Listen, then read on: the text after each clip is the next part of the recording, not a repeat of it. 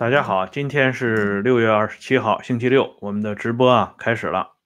从今天开始啊，我们又开启了一个新的话题，那就是关于 恢复华国锋、还原华国锋，讲一下华国锋的历史地位和作用，以及啊那位邓大人是如何摘桃的，他是如何从华国锋、叶剑英、汪东兴手中。谋夺军权的，整个把这个过程给大家做一个详细的介绍，让大家一下子可以重温一段那段非凡的年代、非凡的年代、非凡的人物、非凡的故事。好了，就从今天开始。那么在讲这个节目之前啊，先应一些网友的要求，他们最近呢，又出来一本书，就是之前。做过的那个节目《罗瑞卿倒台之谜》，现在呢电子版已经出来了，全书将近二十五万字，啊，定价呢是人民币五十元。如果喜欢的话呢，可以购买，通过 PayPal 或者是微信都可以啊。跟大家说一下，还有一个呢，就是有一部分在啊国内的朋友啊提出来这个加入这个时政会员频道。我也给大家发一下这个链接，免得在直播的过程当中呢，占用大家宝贵的时间，呃，来这个絮叨这些事情，我也不愿意说太多。这个时政会员呢，啊，借这个机会我简单说两句。今天这个时政会员讲的就是聂帅的一段鲜为人，聂帅身后一段鲜为人知的故事啊。这个时政会员频道不拘于时政，还要讲一些历史上。啊，这个大家难得听到的一些小故事、小片段，借此呢，把这个历史和现实给它有机的啊联合起来、结合起来，啊，能够看成看成一个完整的证据链，就是这么一个意思啊。所以今天在节目开始之前做这么一个简单的铺垫。昨天的节目里边说到一点，就是说三老四号啊，这个杨尚昆在这样一些人面前。他只有站着的份儿啊！我不是说嘛，这是聂力的回忆啊，这是聂力的回忆录。他呢，在这个回忆录里边提供了一张比较珍贵的照片，就是聂荣臻、邓小平、李先念、杨尚昆在中国共产党第十三次全国代表大会会场休息室期间照的这么一张照片。从这张照片里边呢，我们就可以看到啊，这是邓小平、李先念。聂荣臻背后站的就是杨尚昆，啊，如果不是聂力提供的这张照片，大家对于这个当年的这几位元老的地位，恐怕呢还仅仅停留在一种粗浅的认识上。所以呢，这个还是应该找时间多读读书啊，读了书以后呢，有些视野呢就能够开阔一点，了解的情况呢就能多一些。那么今天呢，我们来讲华国锋。华国锋这个人啊，他的历史地位和作用，应该讲，在很大程度上是被掩盖了，被长期的遮掩，因为种种政治原因，华国锋的脸上被涂了各种各样的油彩，特别是这个两个凡是，嗯，压的这个华国锋的整体形象，一直是处在下沉的状态。那么，一个真实的华国锋应该是什么样呢？这里我们首先先戴一个帽子，先把这个话呢先简单说一下，就是说，如果没有华国锋的话，没有华国锋策动的粉碎王张江瑶四人帮的这场举动，那么很多人啊，包括我们这些人在内，我们的父辈这些人在内，要很长一段时间里。生活在那种艰难的桎梏当中，啊，压的这个人喘不过来气儿，精神枷锁啊，物质枷锁就会一直压着大家，而且呢，文化大革命的第一个阶段也不会结束，华国锋暂时结束了文化大革命的第一个历史阶段，这是他啊彪炳青史的。最重要的内容，而且不是华国锋 抓捕这个王张江瑶，不是华国锋在中共中央工作会议以及工作会议之后推动召开的十一届三中全会以及理论工作务虚会，那么当时七十年代末八十年代初，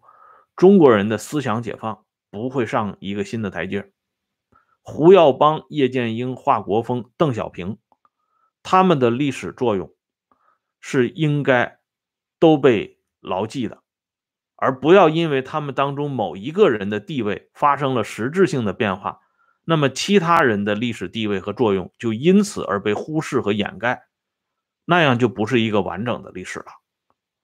各有各的这个历史作用啊，各自的历史地位。都是应该得到尊重的。同样呢，我们也不能说为了还原华国锋，就把邓小平给糟改成什么样什么样，不是的，都是各有各的账啊。因为在十年浩劫当中，很多家庭啊就被打翻在地，很多人如果不是。四人帮的垮台啊，最终让这场浩劫呢暂时停住脚步的话，那么他们这些家庭可能好几代人都将沦为贱民。嗯，不要说去这个奋进啊，可能连生存都成问题，这个是事实。大家可以去问一问自己的这个父母这代人啊，像四十年代出生的这一茬人。他们对当年的情况应该是最清楚的。那华国锋的功业呢，也就在这里。这里呢，我们还要说一句，中国人经常讲一句老话，叫“公道自在人心”。这句话还是掷地有声的。在胡德平的回忆录里边呢，说了这么一件事情，这是胡耀邦的儿子胡德平，他说呢。在一九七八年年底，中央工作会议期间，华国锋讲：“我是下了决心叫大家讲话，既然把大家请来了，就要让大家讲话，集思广益。”胡德平的评价是这么说的啊，他说：“华国锋的这种民主精神和作风，在当时也是难能可贵的，也不是谁都能够做到的。”啊，这是胡德平的回忆，而且胡德平还有一个重要的回忆，因为胡德平本人呢，他是当事人，亲身经历了那个事情，所以他的回忆就显得比较啊珍贵。他说，在中国共产党的第十五次全国代表大会上，就是一九九七年召开的中共十五大上，华国锋是以全票。当选为中央委员的，当时在华国锋以全票当选为中央委员时，全场响起热烈掌声。胡德平说呢，我也投了华国锋一票啊，这是胡德平的回忆录里边讲的。而在那个时候呢，我们知道，一九九七年第十五次全国代表大会上还有一个人是全票当选为中央委员的，那就是。江某人啊，江泽民，也就是说，华国锋和老江两个人都是全票当选的。老江全票当选一点不奇怪，因为从九七年开始，他已经摆脱了羁绊啊。邓已经去世了，在二月份已经去世了，江成了名至实归的第一号人物，所以老大嘛，自然要全票当选。但是华国锋这么一个过气的政治人物。啊，他一九八零年就是已经实质性的下台了，到一九九七年已经长达十七年了，在场的这些党代表们居然没有忘记他，而且以这种方式来对他做一个重新的评价，因为二月份邓已经走了，那个经常把两个凡是与华国锋相连接的那个人，永远都不会回来了，所以呢。这些代表们把历史尘封多年的这些东西呢，用手中的选票把它拂去，啊，重新给华国锋一个定义和评价。这就是刚才我说的“公道自在人心”。啊，这个举动其实也是从侧面让我们看到华国锋在很多人心目当中，他应有的历史地位和作用，没有因为时间和政治上的原因而被完全的泯灭。关于华国锋在那场最重要的抓捕四人帮的这个活动当中，他所起到的替代作用，我们可以引用《李先念文选》里边的一句话，《李先念文选》三百一十一页上面，李先念有一段话是这么说的：李先念说，粉碎四人帮是华国锋。通知、提议并征得中央大多数同志同意后实施的。从李先念的这个话里边，我们就可以看到，搞掉王张江瑶啊，不是简简单单的那句官话，所谓执行了党和人民的意志那么简单的，而且呢，也不是以往党史教科书。所讲的啊，叶帅呀，李先念呐，啊，甚至包括啊聂荣臻呐等等这些人，居然还有什么粟裕、邓颖超之类的啊，也都纷纷跑到前台来啊，进行这个比比划划操作啊，不是这么简单的。实际上，只有一个人是最早提议，并且最早与汪东兴进行策划，那就是华国锋。一九七六年九月十六号，华国锋首先提出解决四人帮的问题。九月十六号啊，十月六号正式抓捕王张江瑶，在半个月前，华国锋就已经提出来了。当时呢是开了一个小型的会议，这个小型会议的参加者都有谁呢？有华国锋、李先念。吴德、陈锡联、季登奎、陈永贵，就这六个人。在在这六个人当中，华国锋提出来，伟大领袖虽然去世了，但是伟大领袖当年留下的一些问题，我们还需要进一步的解决。其中，伟大领袖就提到四人帮的问题，上半年解决不了，下半年解决。我们要找时间把这件事情解决掉。谢谢李先生。华国锋当时是谨小慎微的提出这个说法，他不是说啊，就是我们把这个王张江瑶弄起来啊，他绝对不敢这么公开讲，即使是在小范围内的。而且这几个参加会议的人，在华国锋眼中还是过得硬的。可是就在这么一个小型的会议上。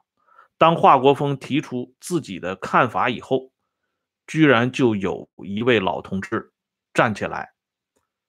不同意华国锋的提议。他认为，对于四人帮来讲，啊，就王张江姚四个人来说，要区别对待。华国锋一看这样的话，话不投机，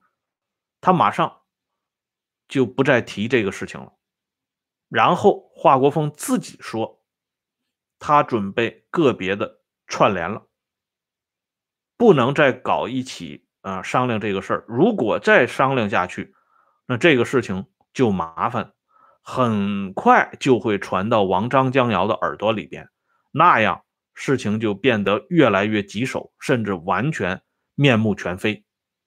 这是华国锋在两千年五月三十号这一天回忆的，啊，华国锋本人回忆。这个应该是比较准确，或者说比较接近历史真相的，因为后来李先念自己也有一个回忆，吴德也有一个回忆，综合他们三个人的回忆，看华国锋五月三十号这一天的口述，啊，是接近历史真相的。可见在当时这种情况下，想搞掉。王张江瑶那是很困难的，一九八一年，中共十一届六中全会通过关于建国以来党的若干历史问题的决议。这个决议当中指出，华国锋、叶剑英、李先念在粉碎四人帮这个问题上起了重要的作用。可是呢，大就这三个人当中，除开华国锋、叶剑英、李先念。甚至包括被追封为改革开放总设计师的邓小平，他们之所以能够平安无事的留在北京，包括能够有机会参加到这场具有历史转折意义的行动当中，啊，并得一杯羹，甚至最后啊有摘桃的嫌疑，都是拜华国锋所赐。如果没有华国锋，在这里边起的一个关键性的作用，那么李先念、叶剑英将完全无缘于怀仁堂事件，啊，完全是以局外人的身份被屏蔽在这场历史重大事件之外。这里边呢，我给大家讲一下这个事情的来龙去脉，因为在一九七六年，在批邓最严重的时候。江青提出来一个很重要的意见，就是要求政治局重新啊重新印发一九七五年啊关于丰庆轮事件这个争议的来龙去脉，而且要求。把丰庆轮事件之后，毛泽东的批示这些东西呢，都要重新印发给政治局的同志看。这个事情原来是刊载在一九七四年十月十四号的国内动态清样上边，重新印发这么一个。两年前啊，将近两年的文件，就是所谓的“项庄舞剑，意在沛公”。因为在对丰庆伦事件总结和批示的文件当中，对叶剑英、李先念都有指责。如果重发、重新印发这个文件的话，势必将叶剑英和李先念置于一个非常尴尬的地位。就在这个时候。华国锋出手了。华国锋在一九七六年三月三号的时候写信给毛泽东，信的原文是这样说的：“因为内容涉及到政治局同志的批件及提到宋主席看过，所以我没有把握批印。可否印发，请主席批示。”七天以后，毛泽东作出批示。毛的批示原文是：“不应该印发。”这件事是不妥的，于是由于华国锋的干预，那么接下来呢，叶剑英和李先念就逃过了这次批判，这是其一。接下来还有一点，还有一件事情更为重要。一九七五年十二月，李先念的医疗小组写了一份关于李先念。病情的报告建议李先念到外地治疗休养。当时还是邓小平在主持工作，所以邓就把这个呢批了，批了以后转给毛泽东，毛泽东也批准让李先念离开北京。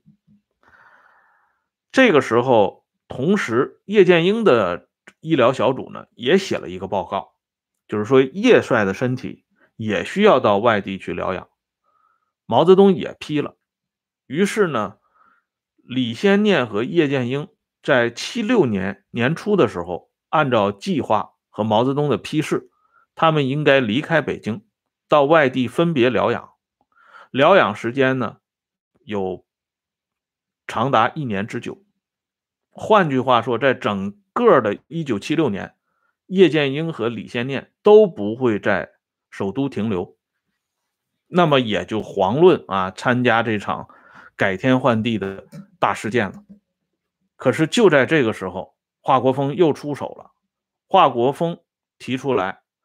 先念同志应该留在北京啊，叶帅更应该留在北京。华国锋不仅像李先念这么讲，李先念啊后来有过一个回忆啊，就是讲华国锋找他谈话，华国锋当时就说：“如果你有病的话，你就在北京养病，有什么事情我们好商量。我是从地方上来的，对中央的很多事情心里头没有底，老同志不要离开北京去休养。”有什么事情，我去找主席去说。华国锋在大家心目中是一个啊比较木讷、比较老实的形象。一般情况下，他是不敢惊动毛的，因为那个时候毛已经身体不是特别好了，什么事情都要通过毛远新来传递。这个毛远新那个时候口含天线，一般人是轻易不敢招惹的，包括汪东兴都离他远远的。但是华国锋为了叶剑英和李先念离京休养这件事情，居然直接去越过毛远新，找到毛泽东。毛听完以后，马上批准华国锋的意见，说李和叶都可以留在北京，他们自己选地方去休养。这样呢，就无形当中把李先念和叶剑英留在了现场。这是一个很重要的举动。以往的历史当中呢。很少有人提及这件事情，这是后边一系列动作的先决条件。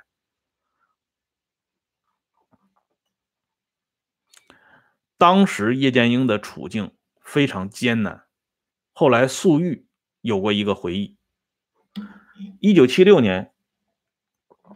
粟裕去看望老首长叶剑英，因为当年在军科院的时候。叶剑英对粟裕很照顾，对这个坐了冷板凳的人一直关怀有加。因此，当叶剑英坐冷板凳的时候，粟裕投桃报李，不避嫌疑，上门呢去看望老首长。叶剑英见粟裕来了以后，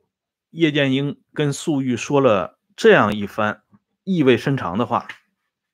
他是这么说的。他说：“现在啊，现在要把眼睛、耳朵和鼻孔张得大大的，嘴巴闭得紧紧的。”这是叶剑英说的原话。粟裕后来有过一个回忆，也出现在叶剑英的年谱当中，可以查证。从叶剑英对粟裕的这番。悄悄话也好，教诲也罢，可以看出叶剑英当时真实的处境。因为主持军委日常工作的已经换成了那位陈三两、陈锡联，叶剑英被头衔直闪，不准过问军队的工作了，所以他要求嘴巴要闭严，这个时候尤其不能乱说话。可见。在整整个运作、操作、收拾四人帮的过程当中，叶剑英一开始就是被排除在外的，因为他的地位在伟大领袖生前的时候就已经决定他不可能进入到决策层里边。如果不是后来伟大领袖病危，十月八号把叶剑英临时召回去去见领袖最后一面。如果不是这样的情况，叶剑英根本就没机会见到伟大领袖。